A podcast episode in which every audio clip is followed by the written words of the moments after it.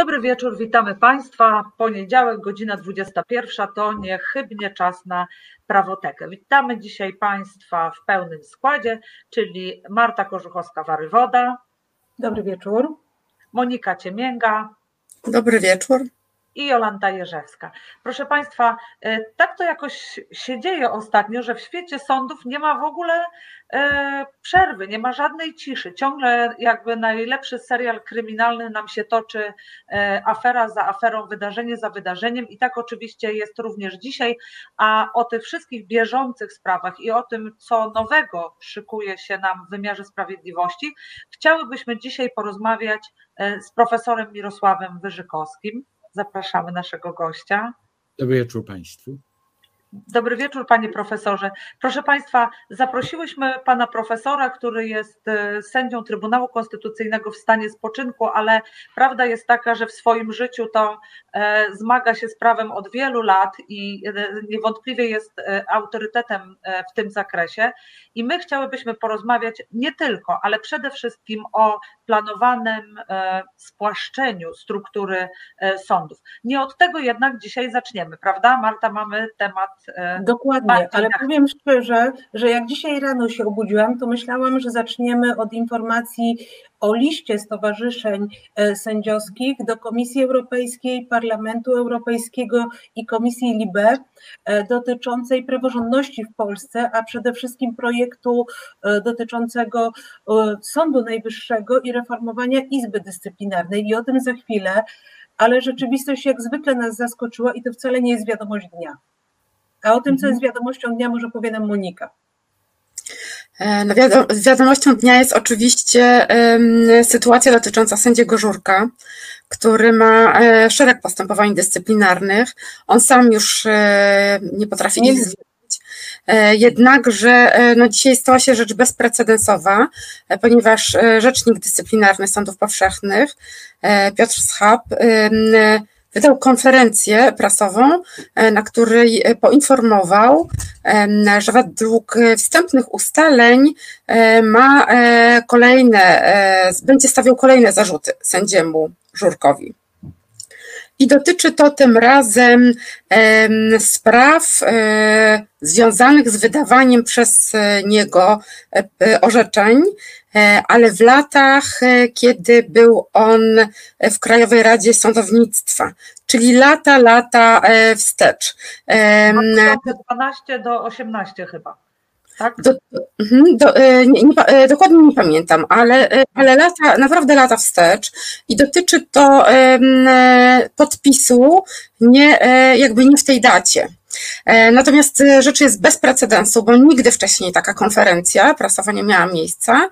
To po pierwsze, a po drugie e, dowodzi, że sędzia Żurek jest trałowany, dlatego że ktoś musiał po prostu przyjrzeć, wziąć po prostu jego referat, sprawy z dawnych lat i przeglądać akta po aktach, żeby coś na niego znaleźć. E, I to jest właśnie kolejny e, dowód na to, że e, sądownictwo ma być upolitycznione, że sędziowie mają być do dyspozycji polityków. No jest to bardzo smutne to, co powiedziałeś, ale to jest jak spełnienie takiego starego przysłowia: dajcie mi człowieka, a znajdzie się paragraf, prawda? Dokładnie tak. To prawda, to prawda. To prawda. Myślę, że... Także, Panie profesorze, Marta. Po... Mhm. Nie, chciałam powiedzieć, że oczywiście wspieramy pana sędziego Żurka. Dzisiaj odbyła się duża demonstracja przed budynkiem Sądu Okręgowego e, w Krakowie. Wiem, że chyba w bardzo szybkim trybie udało się tam przyjechać sędziemu Pawłowi Juszczyszynowi, Igorowi Tulei. Nie wiem, nie chciałabym pominąć jeszcze e, innych sędziów, którzy pewnie tam dołączyli oprócz sędziów krakowskich, ale może parę słów o tym liście. Dlaczego on jest taki ważny? E, i, i dlaczego właśnie teraz przedstawiciele e, stowarzyszeń sędziowskich zdecydowali się na wystąpienie z taką inicjatywą właśnie do Komisji Europejskiej i e, Parlamentu Europejskiego. I, I, myślę, że to, co jest istotne, to jest kwestia uwolnienia funduszy europejskich i nowelizacji ustawy o Sądzie Najwyższym, bo cały czas słyszymy, że te prace są zaawansowane, i za chwilę Izba Dyscyplinarna zostanie zlikwidowana i zastąpi ją Izba Odpowiedzialności Zawodowej. I teraz myślę, że to już pytanie do naszego gościa. E, Panie profesorze, czy ta Izba Odpowiedzialności Zawodowej to już będzie takim konstytucyjnym organem i to wystarczy, czy ktoś mydli nam oczy? Ja myślę, że jeżeli będzie zadane pytanie do Trybunału Konstytucyjnego, e, czy Izba Odpowiedzialności y, Zawodowej jest organem konstytucyjnym, i jeżeli nawiązując do e, niesławnej sytuacji, gdy NeoKRS wystąpiła do Trybunału Konstytucyjnego z wnioskiem o stwierdzenie niekonstytucyjny, niekonstytucyjności podstawy prawnej jej funkcjonowania. Zresztą wniosek do Trybunału o niekonstytucyjności złożony przez NeoKRS był znakomity, był świetnie przygotowany. I no to jeżeli taki wniosek będzie złożony do Trybunału o stwierdzenie e, konstytucyjności, e, niekonstytucyjności e, tak naprawdę, to nie ma wątpliwości, że Trybunał Konstytucyjny stwierdzi zgodność z konstytucją regulacji, regulacji dotyczącej tego nowego organu w ramach struktury Sądu Najwyższego. Co nie oznacza, że nie ma tak jak wobec neokares, neo-neokares, nie ma zastrzeżeń dotyczących samego statusu e, projektowanej Izby Odpowiedzialności Zawodowej, poczynając oczywiście od e, sytuacji, od statusu sędziów, którzy e, mają orzekać w tej Izbie. Mają to być zarówno sędziowie wybrani spośród tych, którzy są dzisiaj w Izbie Dyscyplinarnej, jak wiemy, jak i z innych sędziów Sądu Najwyższego, zarówno starych sędziów, jak i nowych sędziów. I jak wiemy, y, y, orzeczenie Europejskiego Trybunału Sprawiedliwości, a następnie orzeczenie y, Trybunału Praw Człowieka jednoznacznie określiły, określiło sytuację, w której te dwa e, e, organy, te dwie izby y, nie spełniają warunków y, y, niezawisłości, niezależności sądowej, niezawisłości sędziowskiej. Ale mamy też do czynienia z sytuacją, która jest, wykracza poza czystą normę konstytucyjną, czy czystą regulację konstytucyjną, ale ma charakter podstawowy, mianowicie etyczny bo to, co jest proponowane w, i przyjęte przez Sejm, to sytuacja, w której sędziowie Izby Dyscyplinarnej Sądu Najwyższego, jeżeli nie chcą dalej pracować, no to mają założony już dzisiaj złoty parasol w postaci możliwości przejścia w stan spoczynku. Po czterech latach pracy w Sądzie Najwyższym Stan spoczynku do 65 roku będzie wynosił 100% dzisiejszego wynagrodzenia, e, a potem 75 e, po ukończeniu 65 roku życia. Można by powiedzieć, szczodrość parlamentu, większości parlamentarnej e, wyraża się również w tym, że do tych 100% nie dolicza się ekstra dodatku, jakim jest 40% wyższe wynagrodzenie sędziów Izby Dyscyplinarnej w stosunku do wynagrodzenia sędziów Sądu Najwyższego. Oczywiście e, to jest e, e, bardzo smutna konstatacja, która dotyczy stanu jeszcze istniejącego, gdy są osoby będące absolwentami Wydziału Prawa, które godzą się na przyjęcie propozycji, czy ubiegają się o uzyskanie mianowania, wiedząc, że ich wynagrodzenie zasadniczo różni się od wynagrodzenia sędziów w tym samym stanie. Więc nie mam wątpliwości, że Trybunał Konstytucyjny, gdyby, gdy będzie miał taką sprawę, uzna konstytucyjność tej regulacji, natomiast cały czas mamy podstawowe wątpliwości dotyczące statusu y, sędziów, y, którzy zostali powołani przez prezydenta w oparciu o wniosek NeoKRS i za chwilę NeoNeoKRS. Mhm. Dokładnie, a czy my możemy się pokusić o jakieś e, tutaj e, prognozy co do tego, czy Komisja Europejska to rozwiązanie zaakceptuje i czy to już wystarczy, żeby uruchomić Krajowy Plan Odbudowy? To ja proponuję, żebyśmy e, sięgnęli do sytuacji, y, czy wielu sytuacji, począwszy od końca 2015 roku. I jeżeli weźmiemy do ręki, a to, to wcale nie jest łatwe wziąć do ręki dokumentację organów Unii Europejskiej, Europejskiego Trybunału Sprawiedliwości, Rady Europy, Komisji Weneckiej, e, wielu instytucji międzynarodowych, które oceniały, oceniały stan rządów prawa i sytuację wymiaru sprawiedliwości, to to są setki, setki stron. I e, to, co jest charakterystyczne, to ciągłe oczekiwane, zawarte w rekomendacjach czy, czy różnego rodzaju dokumentach, przede wszystkim Komisji Europejskiej, ale także Parlamentu e, Europejskiego, Komisji Parlamentu Europejskiego do spraw wolności e, i, i, i praw człowieka, LIBE, e, Komisji Weneckiej. I proszę zobaczyć, od 2015 roku mamy całą listę żądań, czy oczekiwań, czy no, nazwijmy je oczekiwaniami tych instytucji i na przykład Trybunał Konstytucyjny, żeby y, zaprzysiąc trzech prawidłowo wybranych sędziów. I mamy dublerów i dublerów dublerów i nic się nie zdarzyło. Żeby wtedy opublikować wyroki Trybunału Konstytucyjnego, które ze złamaniem konstytucji nie były, ze złamaniem konstytucji przez prezesa Rady Ministrów, nie były publikowane. I co się zdarzyło? Zostały opublikowane te wyroki, które przecież wskazywały na niekonstytucyjność regulacji prawnej dotyczącej Trybunału Konstytucyjnego, ale z zastrzeżeniem, że w dzienniku ustaw w przypisie gwiazdeczka że właściwie to nie są wyroki, bo nie uznajemy, my, władza polityczna, nie uznajemy e, tych orzeczeń Trybunału za wyroki. E, mamy do czynienia z sytuacją, w której e, jeden element, i to w sposób bardzo ułomny, został uregulowany, mianowicie likwidacja Izby Dyscyplinarnej, ale to jest tylko pudrowanie trupa, o czym wielokrotnie wiele osób mówiło. E, i jest rodzajem kamuflażu, kamuflażu intelektualnego, kamuflażu normatywnego, tylko po to, żeby uzyskać możliwość e, e, czy, czy szansę na, na zgodę czy na przyzwolenie Komisji Europejskiej na uruchomienie środków budżetowych. Co to oznacza?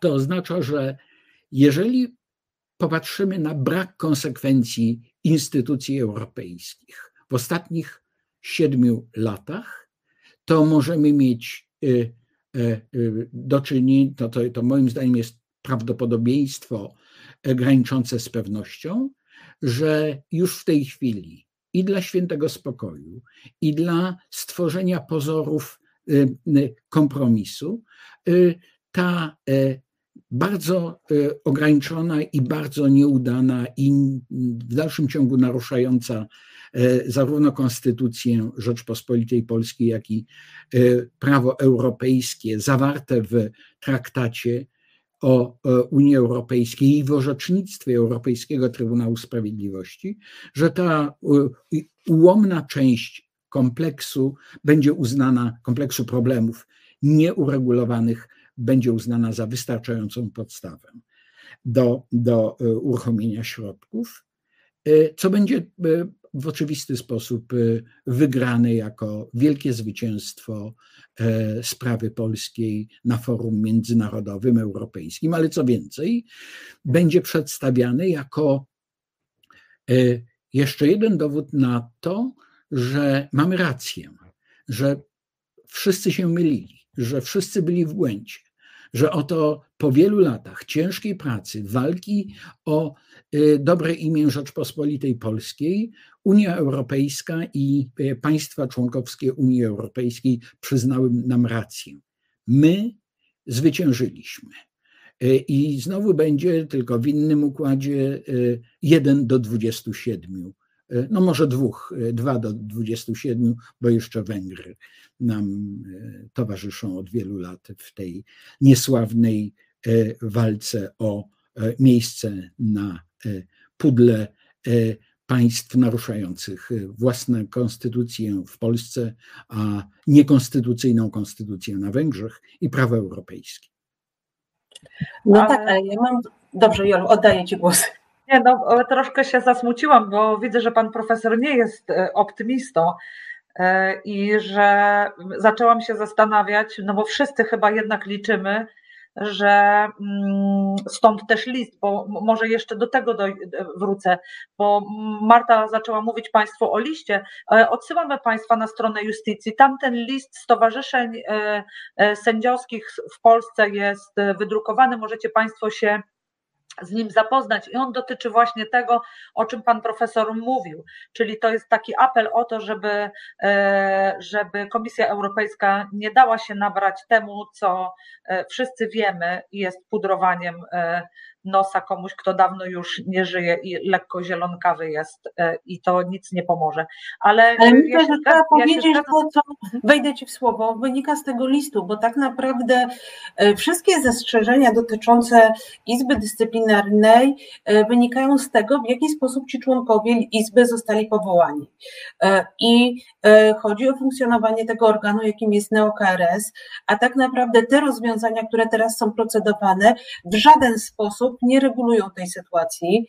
Y, co więcej, e, NeoKRS już ma drugą kadencję, mamy nowych członków, cały czas y, ta instytucja działa. Liczba nowo powołanych sędziów sięga już około dwóch tysięcy, tak wynika z tego listu. E, I jeśli e, przeforsujemy te rozwiązania, o których rozmawiamy, czyli tylko i wyłącznie e, zmianę nazwy Izby, Izby Dyscyplinarnej na Izbę Odpowiedzialności Zawodowej, to niczego nie zmieni. Nadal będą wątpliwości co do powołanych sędziów, będą pytania prejudycjalne dotyczące poszczególnych kolejnych rozwiązań i mam wrażenie, że tak naprawdę będziemy tylko pogłębiać chaos, w którym się znajdujemy ale y, y, nie tylko się zgadzam y, z tym, co Panie powiedziały, ale jeszcze dodam dodatkowy element i argument tej, tego przeciągania liny, która, jak się wydaje, będzie, ona nie pęknie, ale będzie przeciągnięta na stronę tych, którzy nie szanują konstytucji, nie szanują prawa europejskiego i nie szanują porządku prawnego E, e, Unii Europejskiej, no bo proszę e, zwrócić uwagę na okoliczność tę, że tak zwany drugi kamień milowy, nie rozumiem tego pojęcia kompletnie w zastosowaniu do sytuacji, o której rozmawiamy, to jest oczekiwanie, że będzie doprowadzony do przyzwoitości mechanizm odpowiedzialności dyscyplinarnej sędziów. Przecież w tym zakresie nic nie zostało zrobione, ale co więcej, czy co gorzej, dzisiejsza konferencja prasowa Rzecznika Odpowiedzialności Dyscyplinarnej pokazuje, przepraszam bardzo, ale taką wielką figę e, Komisji Europejskiej, pani Ursuli von der Leyen, która na forum Parlamentu Europejskiego zaklinała się non possumus, nie, do, nie pozwolimy na to, żeby w Polsce był taki mechanizm y, odpowiedzialności dyscyplinarnej, jaki, jaki obowiązuje od kilku lat. I co? I, I nic w tym zakresie nie zrobiono. Czyli Pierwszy kamyczek do ogródka, którego nie chcę nazywać kamieniem milowym, czyli likwidacja Izby Dyscyplinarnej. Mówiliśmy o tym, pozorna, e, pozorne rozwiązanie. Drugi element, czyli e, mechanizm odpowiedzialności dyscyplinarnej nie jest ruszony. Ale, I mamy jeszcze trzeci kamień. Nie, nie, ale, ale bo to, to wcale nie jest tak, że, że ten mechanizm nie jest ruszony, bo on jest ruszony, ale w drugą stronę. Bo proszę zwrócić uwagę, że do y, ustawy o y, nowelizacji ustawy o Sądzie Najwyższym i nowelizacji y, kilku innych ustaw dodatkowo zostało dopisane jedno jeszcze przewinienie dyscyplinarne odmowa wykonywania wymiaru sprawiedliwości. Panie profesorze, zaraz do, przejdziemy do projektu ustawy. Ja tylko jeszcze e, chciałam o tym trzecim kamieniu milowym, tak zwanym, czyli odwieszenie e, sędziów. I tutaj właśnie nasz słuchacz, pan Tomasz e, Szyndralewicz pisze, sądziłem, że po rekordziście w zawieszeniu ruszy powszechne odwieszanie. O ja naiwny. To, to, to chyba wszystko w tych słowach. Ja powiem szczerze, że e, też przez chwilę miałam taką nadzieję, że e, Paweł Juszczyszyn otworzy e, taką listę dobrych wiadomości dla naszych sędziów i kolegów, przede wszystkim dla Igora Tulei, który jest drugim rekordzistą i nic takiego się nie stało. Myślę, że to już jest ten czas, kiedy powinniśmy przejść do głównego tematu naszej audycji, czyli projektu ustawy o ustroju sądów powszechnych. W tym projekcie jest szereg rozwiązań, e, które myślę, że budzi dużo kontrowersji i dużo obław sędziów. Oprócz tej odpowiedzialności dyscyplinarnej, do której zaraz przejdziemy, bo myślę, że, że wiele e, tych zapisów to jest też powtórzenie ustawy kagańcowej, e, to przede wszystkim to, co chyba spędza sędziom sens powiek, to jest to hasło spłaszczenie struktury.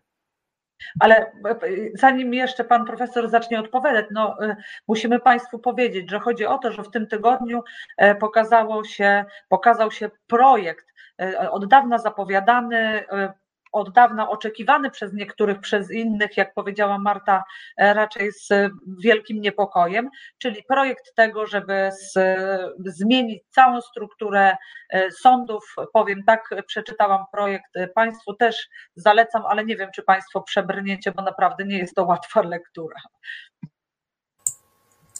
Ale dotyczy on nie tylko e, przecież spłaszczenia tej struktury sądów, ale i utrzymuje Izbę Dyscyplinarną, prawda? E, I e, nawet, wprowadza... tak, nawet tak nazywa wciąż, Izbą Dyscyplinarną, tak ją nazywa. Dokładnie i wprowadza jakby kolejne przesłanki do odpowiedzialności dyscyplinarnej sędziów. Między innymi e, działania kwestionujące istnienie stosunku służbowego sędziego, skuteczność powołania sędziego lub umocowanie konstytucyjnego organu Rzeczypospolitej Polskiej. Ja myślę, że będziemy mówili o różnych elementach tej ustawy, ale e, e, zanim o tym, to jeszcze może jedna uwaga, e, która dotyczy ustawy o Sądzie Najwyższym. Jeżeli by mm, przyjąć, że prawo tworzone jest w dobrej wierze i że prawo tworzone jest dla realizacji celów, które są związane z tym, co nazywam wyższą lojalnością, a więc y, realizacją funkcji i zadań konstytucyjnych, to można byłoby mieć wrażenie, tak czytając zupełnie technicznie, że ustawa o y, zmianie ustawy o Sądzie Najwyższym i zmianie innych ustaw jest takiego rodzaju aktem prawnym, który, jak się tak właśnie czyta, technicznie nie budzi specjalnych zastrzeżeń. Tyle, że jesteśmy nauczeni, że po pierwsze, e, jakiekolwiek regulacje, które dotyczą ustroju Rzeczpospolitej Polskiej, e, podejmowane przez większość parlamentarną, to tym regulacjom nie można przypisać dobrej wiary. Przeciwnie, należy przypisać domniemanie niekonstytucyjności. I o tym rozmawialiśmy już e, przez chwilę. Po drugie, e, znam prawników w Komisji Europejskiej, znakomitych prawników, zapewniam Państwa, i oni wiedzą, jak czytać polskie ustawy ustrojowe, które przecież, jak wiemy, bez zmiany konstytucji doprowadziły do zmiany porządku konstytucyjnego w państwie. Oni wiedzą, że należy czytać systemowo, że należy czytać funkcjonalnie, że to jest y, mechanizm, który może nie być widoczny na pierwszy rzut oka, ale przy bliższej analizie pokazuje, co jest w istocie e, celem regulacji y, przyjętej przez parlament. Więc y, to jest taka uwaga na temat, jak może być czytana ustawa o Sądzie Najwyższym w, przez y, prawników Komisji Europejskiej. Nie mówię już o tym, jak czytana jest tego typu ustawa przez sędziów e, Europejskiego Trybunału Sprawiedliwości i sędziów Sądu Europejskiego i adwokatów generalnych, bo oni też są uważnymi czytelnikami polskiego prawa. Natomiast jeśli chodzi, wracam do ustawy o ustroju sądów powszechnych, to proszę zwrócić uwagę na to, na co panie zwróciły już uwagę, ale w takim kontekście, nazwijmy to systemowym. Mamy ustawę o Sądzie Najwyższym i mamy równolegle ustawę o ustroju sądów powszechnych. I w ustawie równolegle opracowywanej i, równole, i nieco później przecież pokazanej opinii publicznej, mowa jest o tym, o czym mówiła pani sędzia. Jest Izba Dyscyplinarna Sądu Najwyższego. Co to oznacza? To nie oznacza, że nie ma korelacji, nie ma świadomości tego, co się dzieje. Przeciwnie, to jest kolejny raz, przepraszam za kolokwializm, pokazanie figi tym wszystkim, którzy, tak jak pan, który do nas pisał, mają nadzieję, czy mieli nadzieję, że, że coś się zmieni, że, że jednak wrócimy do do pewnego porządku myślenia, które odpowiada e, naszym e, potrzebom, naszym aspiracjom, aspiracjom i które, e, które wynikają z zobowiązań wynikających z najpoważniejszej umowy społecznej, jaka obowiązuje, mianowicie konstytucji, która to umowa została zawarta między nami, społeczeństwem, a każdorazową władzą, która, przypomnijmy, ślubuje na konstytucję, na przestrzeganie i zobowiązuje się do przestrzegania konstytucji. Więc, więc to jest y, taki, takie szersze tło y, y, początku naszej rozmowy o, o ustawie o ustroju sądów powszechnych. Ja myślę, że może troszeczkę wyjaśnijmy naszym słuchaczom, zanim będziemy kontynuować, na czym polega to spłaszczenie struktury, bo to może być taki zwrot, który dla nas sędziów jest e, jasny, ale nie dla wszystkich państwa. W tej chwili e, mieliśmy e, sądownictwo, które dzieliło się na trzy rodzaje sądów: sądy rejonowe, sądy okręgowe i sądy apelacyjne. Spłaszczenie struktury ma polegać na tym, że jeden z tych elementów zostanie wyeliminowany i nie będzie już sądów rejonowych, zastąpią je wyłącznie sądy okręgowe, które będą dzieliły się na różne wydziały, e, a zamiast sądów apelacyjnych powstaną sądy regionalne.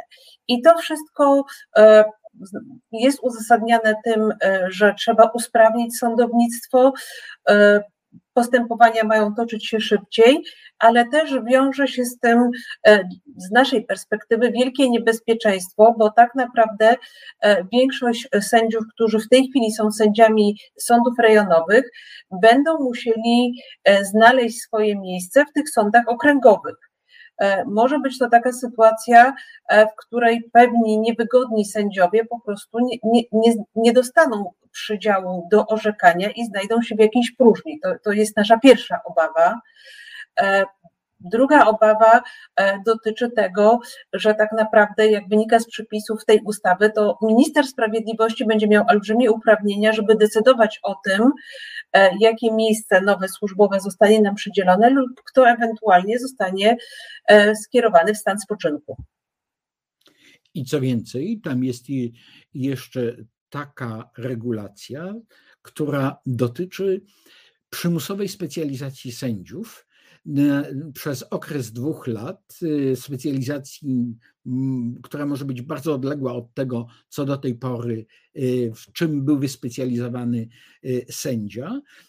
I co więcej, w ramach tej, e, tej specjalizacji może się okazać, że E, dobro wymiaru sprawiedliwości, czyli sytuacja, w której mamy do czynienia z obciążeniem sędziów w danej jednostce organizacyjnej, dzisiaj w sądzie rejonowym, a w przyszłości w tych e, substrukturach sądu okręgowego, że okaże się, że trzeba sędziego wysłać do innej jednostki organizacyjnej w ramach tej, tego samego E, spłaszczonego sądu, ale jednostki oddalonej o 20, 50 czy 200 kilometrów od dotychczasowego miejsca e, pracy i miejsca zamieszkania. I to może się zdarzyć wbrew woli sędziego. Więc e, to oznacza, że tak naprawdę sędzia jest pozbawiony stabilności, tego, co jest elementem również, elementem składowym zasady niezależności i niezawisłości, a mianowicie stabilności zawodowej. No bo y, y, oczywiście możemy sobie wyobrazić taką sytuację, y, w której model, model amerykański, że sędzia ma sprawy cywilne, rodzinne i karne, ale jeżeli w Polsce mamy do czynienia z daleko posuniętą specjalizacją, której wyrazem jest również określenie w projekcie ustawy o ustroju sądów powszechnych różnego rodzaju wydziałów organizacyjnych, zajmujących się y, odpowiednią specjal, specjal elementami podziału zadań, specjalności, to ja mogę sobie wyobrazić po doświadczeniach siedmiu lat, że oto będziemy mieli sytuację, w której sędzia X, cywilista, zostanie skierowany do Wydziału Cywilnego i będzie musiał się nauczyć. E, e, no, to jest oczywiste. Ale potem e, będzie dokonane to, co się nazywa przetrzepaniem referatu. I może się okazać, że no, sędzia jest słaby, prawda? Że sędzia popełnił błędy.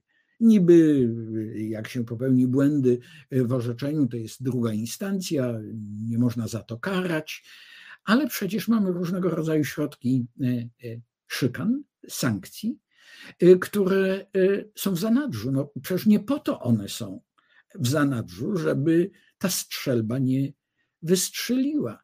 Przypominam sobie rok 2017, gdy w lipcu był ogłoszony projekt ustawy o Sądzie Najwyższym, i wtedy policzyłem, ile razy w ustawie o Sądzie Najwyższym było słowo dyscyplinarny.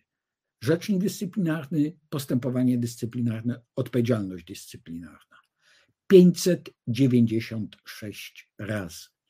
Jeżeli strzelba wisi w pierwszym akcie, to ona w drugim wystrzeli. I jeżeli mamy do czynienia dzisiaj z taką sytuacją, to założyć trzeba e, następującą e, e, sytuację. To, co może być, jest przedstawiane jako uzasadnienie do pewnej specjalizacji, do lepszego funkcjonowania wymiaru sprawiedliwości, do polepszenia funkcjonowania sądów, będzie użyte niecnie przeciwko sędziom, którzy, y, tak jak do dzisiaj się dzieje i działo się w ostatnich latach, e, nie są gotowi na współpracę, która e, zaprzecza e, etosowi sędziowskiemu, ślubowaniu sędziowskiemu i istocie orzekania sądowego. No tak, panie profesorze, ale chyba najbardziej wstrząsające jest to, że tę strzelbę wiesza się, e, nie bacząc w ogóle, jakie konsekwencje będzie to miało dla obywateli. No bo przecież e, musimy tu może Państwu wyjaśnić, ale że rzeczywiście, że przez ostatnich kilkadziesiąt lat w polskim wymiarze sprawiedliwości zmierzano raczej ku temu, żeby sędziowie bardzo się specjalizowali. Wobec tego, jeśli ja orzekam od 20 lat w Wydziale Karnym, to oczywiście ja mam jakieś mgliste wyobrażenie na temat postępowania cywilnego w takim kształcie, w jakim ono dzisiaj obowiązuje. Ja z pewnością zrozumiem te przepisy, jakie będę czytać, ale z całą pewnością, żeby sprawnie z nich korzystać, potrzebuję czasu. No i proszę Państwa, to ta nauka nie odbywa się na strzelnicy, gdzie e, próbujemy sobie strzelać do tarczy, tylko tą tarczą e, są obywatele, których sprawy my rozstrzygamy, w pierwszej fazie, no e, może i się bardzo staramy, ale z całą pewnością troszeczkę na oślep. I rzeczywiście ten projekt jest teraz taki, że już wracamy do bardzo szerokiej izby cywilnej, w której będą i sprawy gospodarcze, i sprawy rodzinne, i sprawy nieletnich, i sprawy cywilne. I mnie to zatrważa, że, e, że można udawać, że to jest dla dobra obywateli ale ja chciałam jeszcze zauważyć, że, e, że przecież nie tylko taki cel e, jest tego właśnie, tej specjalizacji i też prawa przenoszenia prezesów, bo tutaj też prezesi zostali wyposażeni w takie kompetencje do przenoszenia i przydzielania specjalizacji sędziemu, a tutaj prezes będzie człowiekiem ministra sprawiedliwości. Więc no tutaj to już nie ma nic wspólnego z niezależnością sądów. A, no ale to też chodzi o to, moim zdaniem, żeby konkretny człowiek został przeniesiony do rozstrzygnięcia konkretnej sprawy. Jeżeli można. No i to brzmi chyba najbardziej zatrważająco, ale jak już rozmawiamy o tym artykule 39, to ja zwrócę uwagę jeszcze na paragraf 11 który moim zdaniem idzie jeszcze dalej, bo w paragrafie 11 mamy taki zapis, że jeżeli wymaga tego sprawne rozpoznawanie spraw, możliwe jest przeniesienie sędziego bez jego zgody do innego oddziału na okres nieprzekraczający dwóch lat. Więc nie tylko specjalizacja, ale także przeniesienie do innego oddziału. Tak, i to jest to, o czym mówiliśmy. No, jest gdzieś e, u podstaw prawidłowego funkcjonowania wymiaru sprawiedliwości e, element stabilizacji e, zawodowej sędziów. I jeżeli chcemy, jeżeli oczekujemy, a społeczeństwo oczekuje, że będziemy mieli do czynienia z prawidłowo funkcjonującym wymiarem sprawiedliwości, to e, nie można e, sędziów traktować jak pionki na szachownicy i przerzucać z miejsca na miejsce. Dlaczego nie można? Również dlatego, że proszę zwrócić uwagę, nie ma żadnego uzasadnienia dla przyjęcia takiej koncepcji, jaka jest w projekcie ustawy. Nie ma żadnej statystyki dotyczącej y, sytuacji w poszczególnych y, apelacjach, w poszczególnych okręgach. Nie ma statystyki dotyczącej deficytów sędziów w sprawach czy to cywilnych, Wiemy, że w Warszawie jest pewien problem ze sprawami gospodarczymi, ale Warszawa nie jest, y, Warszawa jest centrum państwa, ale nie jest centrum i nie powinno być wymiaru sprawiedliwości z tego punktu widzenia. Y, więc to jest dla mnie brak uzasadnienia, brak jakiegokolwiek, jakiejkolwiek próby racjonalizacji potwierdza nasze najbardziej podejrzliwe podejrzenia dotyczące e, istoty tego typu e, projektu ustawy o ustroju sądów powszechnych. Panie profesorze, to przecież już prokuratorskie przenosiny wykazywały, że okazywało się na przykład, że prokurator e, Kwiatkowska, która co do zasady pracowała w Warszawie, bardziej była potrzebna w Golubiu do Brzyniu, prawda? Co z całą pewnością jest bardzo moim zdaniem trudno uzasadnić, że taka akurat zmiana była potrzebna, a jednak udało się. Ale ten mechanizm e, niecny e, i przez wszystkich prawników E, też ludzi nie tylko związanych z wymiarem sprawiedliwości, ale też środowisko akademickie, był powszechnie potępiany jako szykany, a nie jako e, prawidłowe, racjonalne zarządzanie strukturą wymiaru sprawiedliwości. I, i, i dlatego cokolwiek byśmy nie pomyśleli, czego w innych sytuacjach, co w innych sytuacjach nie przyszłoby nam do głowy, że to jest coś podejrzanego, to to ma swoje uzasadnienie, bo jesteśmy już nauczeni i wytresowani w tym, żeby widzieć w pozornie neutralnych rozwiązaniach drugie, trzecie, czwarte i piąte dno, ale y, tych den jest dużo i ja mam wrażenie, że gdy już mówimy, że pukamy od dołu, to okazuje się, że nie, nie, lądujemy piętro niżej i piętro dalsze niżej. I, i taka sytuacja będzie e, e, dalej, bo e, to jest to, o czym panie mówiły, a mianowicie ten walec, który prowadzi do coraz większego chaosu, rozpędza się. On nie został zatrzymany. Nie został zatrzymany ani na poziomie e, regulacji polskich podejmowanych przez konstytucyjne organy państwa, ani na poziomie na poziomie regulacji i działań Unii Europejskiej, bo proszę zwrócić uwagę, że mamy do czynienia z rodzajem nie duetu, nie rozmowy sądów, sądów krajowych, polskich z sądami europejskimi, że to nie jest dialog sądowy, tylko to jest pojedynek sądowy. Mamy orzeczenie Europejskiego Trybunału Praw Człowieka w sprawie Xaroflor, mamy odpowiedź Trybunału Konstytucyjnego. Artykuł 6 y, y, Konwencji Europejskiej jest niezgodny z polską konstytucją. Mamy y, ustawę, mamy orzeczenia Europejskiego Trybunału Sprawiedliwości dotyczące niezależności sędziowskiej i mamy odpowiedź Trybunału Konstytucyjnego. Podstawy funkcjonowania Unii Europejskiej są niezgodne z polską konstytucją. Mamy, proszę zwrócić uwagę, e, e, uchwałę trzech izb Sądu Najwyższego i mamy natychmiast odpowiedź Trybunału Konstytucyjnego, że ta uchwała jest niezgodna z konstytucją, ponieważ tworzy normę prawną, do czego, jak twierdzi Trybunał Wnioskodawca i y, Trybunał Konstytucyjny, w ramach tego, co się nazywa E, e, sporem kompetencyjnym. Nie było żadnego sporu kompetencyjnego e, między Sądem Najwyższym a prezydentem. Nie było sporu kompetencyjnego między Sądem Najwyższym a Sejmem w sprawie uchwały trzech izb, ale Trybunał Konstytucyjny stwierdził, to jest uchwała niezgodna z konstytucją. Ale proszę zwrócić uwagę, to była,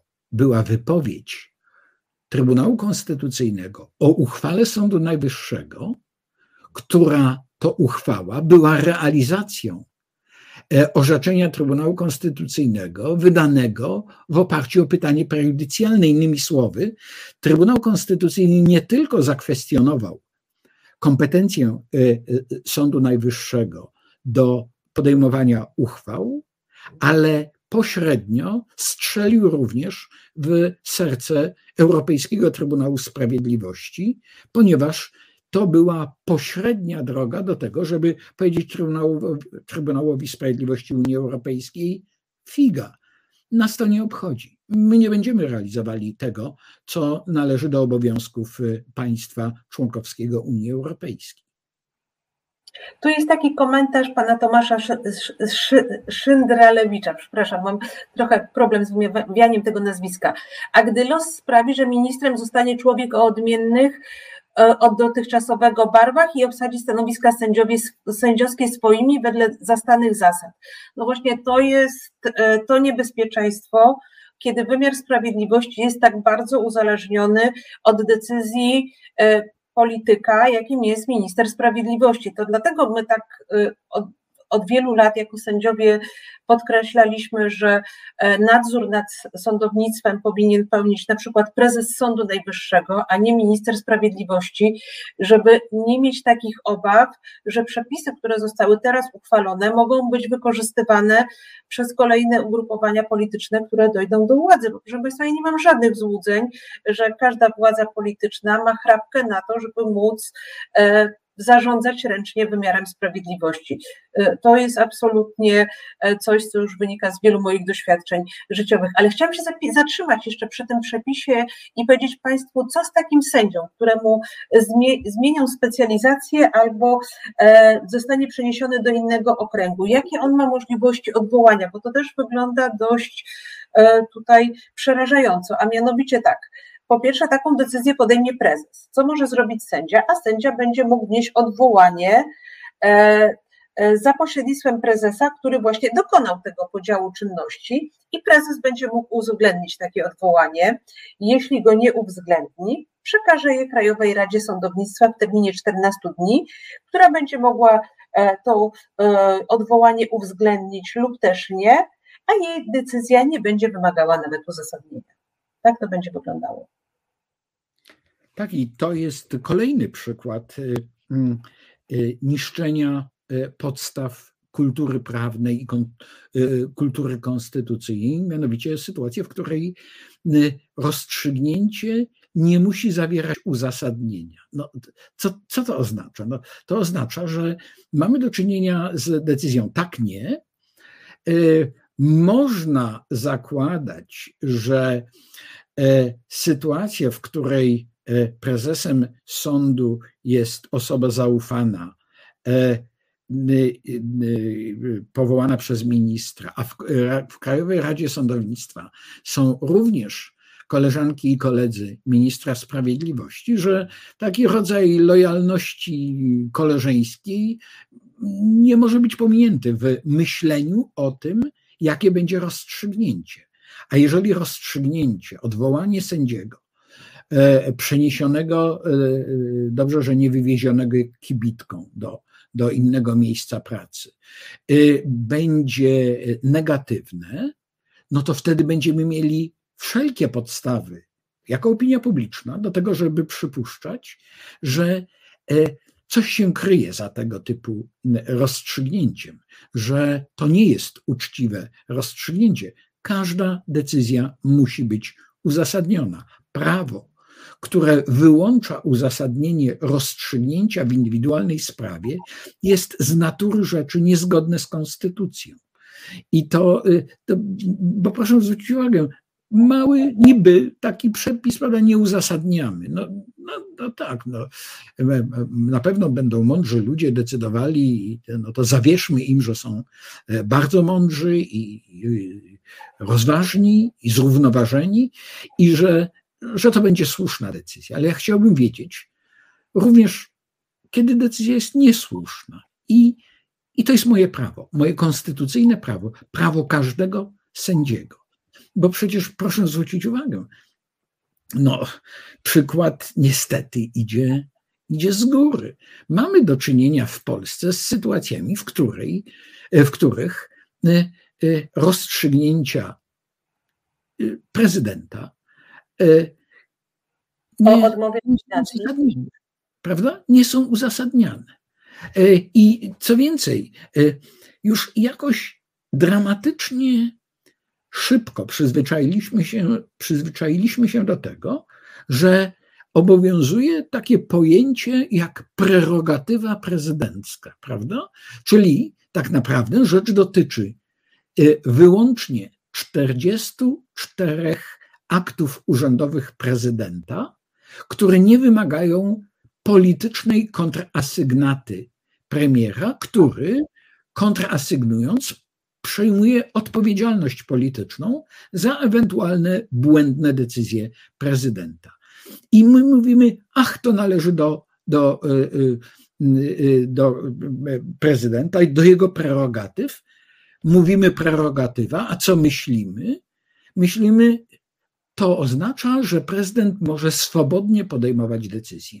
Że ta decyzja, to rozstrzygnięcie, ten akt urzędowy nie musi być poddany procedurze takiej lub innej.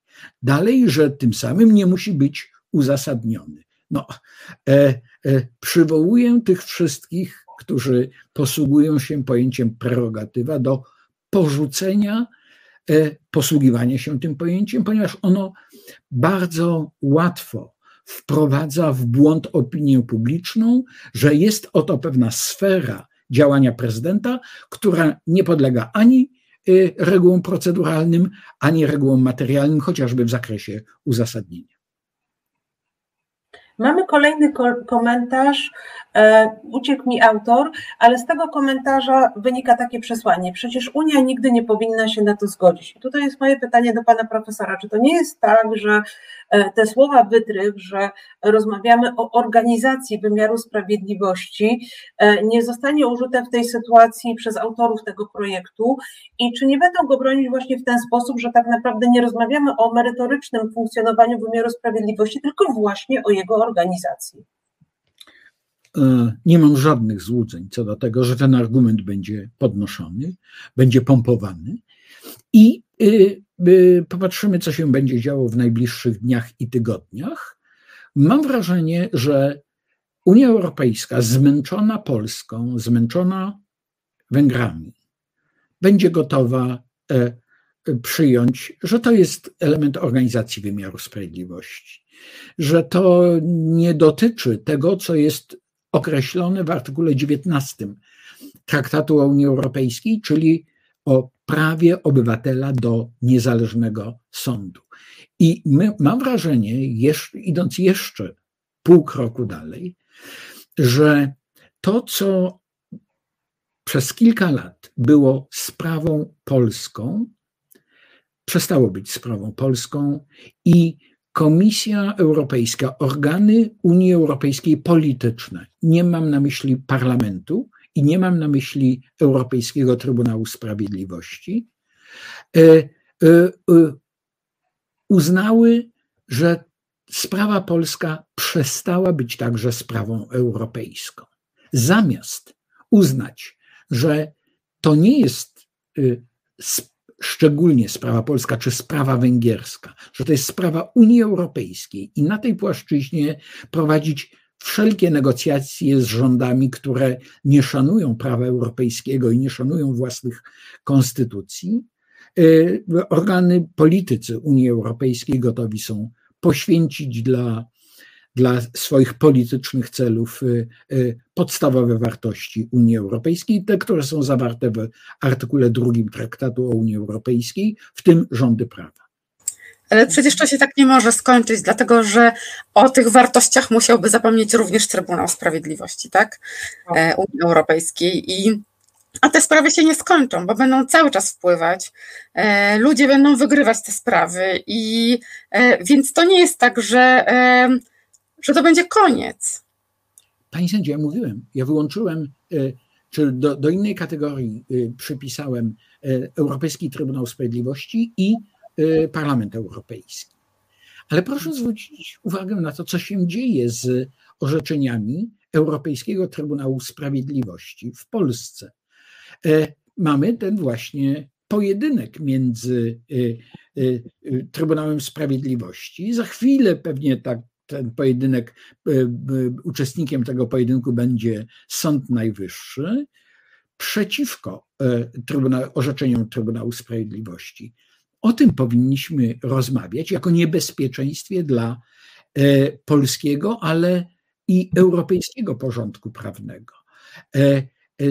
Bo i panie sędzie, i ja E, i wielu naszych e, słuchaczy i widzów, e, my wszyscy wiemy, jak ważny, ważna jest postawa sędziego, który orzeka w konkretnej, indywidualnej sprawie, jak ważne jest jego przygotowanie, jej, jego przygotowanie zawodowe i to, co się nazywa, w coraz większym stopniu ma znaczenie etos sędziowski, czyli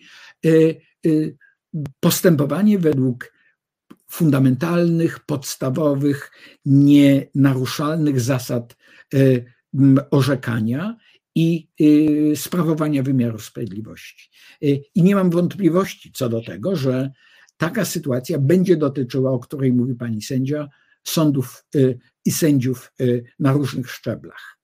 Ale w mechanizmie, który możemy określić dwubiegunowo, Unia Europejska z jej organami i Polska z władzą polityczną oraz Trybunałem Sprawiedliwości, który był pierwszą ofiarą naruszania konstytucji, a stał się współsprawcą naruszania porządku prawnego w Polsce e, i porządku europejskiego, że w tym biegu, dwubiegunowym układzie będziemy mieli do czynienia z e, ciągłym pojedynkiem i odrzucaniem bezwstydnym, bezkarnym i bez konsekwencji odrzucaniem znaczenia orzeczeń Trybunału y, Sprawiedliwości. Będziemy mieli sytuacje, w których y, obywatele polscy będą skarżyli się do Europejskiego Trybunału Praw Człowieka, będą masowo uzyskiwali odszkodowania, zadośćuczynienie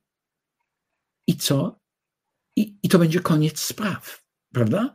Ponieważ jeżeli jeżeli rząd polski jest gotów zapłacić już w tej chwili prawie miliard złotych za e, funkcjonowanie e, Izby Dyscyplinarnej, to oznacza, że e, nie ma żadnej reguły przyzwoitego funkcjonowania państwa, która dawałaby podstawę do nadziei, że, że e, państwo polskie poprzez swoje organy będzie realizowało e, to, do czego się zobowiązało, podpisując traktat i przystępując do Rady Europy. No tak i chyba y, jakkolwiek mamy już bardzo mało czasu, ale chyba też warto powiedzieć, panie profesorze, że ta ustawa, od której dzisiaj zaczęliśmy, czyli ustawa, która zmierza do spłaszczenia struktury sądów, przewiduje nowe y, delikty, czyli wykroczenia y, sędziowskie, które są skierowane właśnie na to, żeby sędziowie nie stosowali orzeczeń choćby takiego ETPC czy CUE, no bo to będzie się nazywało, jak to tam w ustawie napisano, kwestionowaniem konstytucyjności organów, tak? No to, to, jest jeszcze, jeszcze dodatkowy element, ponieważ e, jest cały czas mowa o tym, o polityce. E, I proszę o zwrócenie uwagi też na przepis w tej ustawie, który dotyczy e, działań kolegium i samorządu sędziowskiego. Prawda? I tam jest stwierdzenie, że E, przedmiotem obrad kolegium i samorządu sędziowskiego nie mogą być sprawy polityczne, w szczególności zabronione jest podejmowanie uchwał podważających zasady funkcjonowania władz Rzeczypospolitej Polskiej i jej konstytucyjnych organów. Przecież my nie mówimy o polityce, my mówimy o konstytucji. Mhm. Przecież nie ma bardziej politycznego aktu prawnego aniżeli Konstytucja Rzeczypospolitej Polskiej. W związku z tym, oczywiście, to jest sytuacja, w której ubrał się diabeł w ornat i ogonem na mszę dzwoni. Bo proszę zwrócić uwagę, jest mowa o tym, że zabronione jest podejmowanie uchwał podważających zasady funkcjonowania władz Rzeczpospolitej Polskiej. No przecież do tej pory mamy do czynienia z sytuacją, w której władze Rzeczpospolitej Polskiej podważały zasady funkcjonowania e, e, Rzeczpospolitej, tak jak one są określone w Konstytucji. Ale co więcej, proszę zwrócić uwagę, że mamy do czynienia z pojęciem funkcjonowanie władz i jej konstytucyjnych organów. To znaczy, mamy władze, które nie są konstytucyjnymi organami państwa. No to znaczy, e, e, oczywiście, coming out w ustawie pokazujemy czarno na białym, że mamy dwa równoległe, równorzędne elementy struktury państwa. Jedno to konstytucyjne organy państwa, a drugie władze Rzeczypospolitej Polskiej, które naruszają, podważają zasady funkcjonowania. W związku z tym, oczywiście, zakazane jest wypowiadanie się na temat podważania zasad Rzeczypospolitej przez te właśnie władze, które nie należą do struktury konstytucyjnych organów państwa, ale również, gdy konstytucyjne organy państwa, o czym wiemy od siedmiu lat, nagminnie i chętnie i skutecznie podważają zasady funkcjonowania Rzeczpospolitej Polskiej, to też nie można się wypowiadać, dlatego że ustawodawcy to się bardzo nie podoba. I na tym musimy kończyć. Właśnie, musimy niestety kończyć. Wyczerpaliśmy czas do ostatniej e, sekundy. Proszę Państwa, no trudno o optymistyczną puentę, do której e, się przyzwyczailiśmy, ja ale myślę, sobie... Ja mogę powiedzieć taką optymistyczną. E, taki przekaz do Pana Rzecznika Piotra Schaba. Panie Rzeczniku, nie złamie Pan sędziego Żurka. A wie pan dlaczego? Pan jest jeden, nas jest wielu.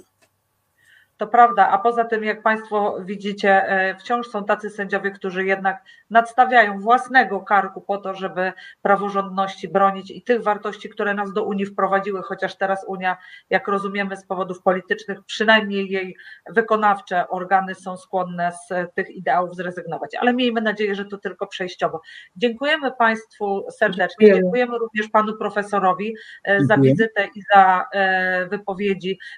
Wprawdzie pesymistyczne, no ale jednak nie oszukujmy się, bardzo pogłębiające nasze rozumienie tego trudnego świata, który wokół nas e, jest. Zapraszamy Państwa do następnych audycji, a dzisiaj już się z Państwem żegnamy. Żegnamy.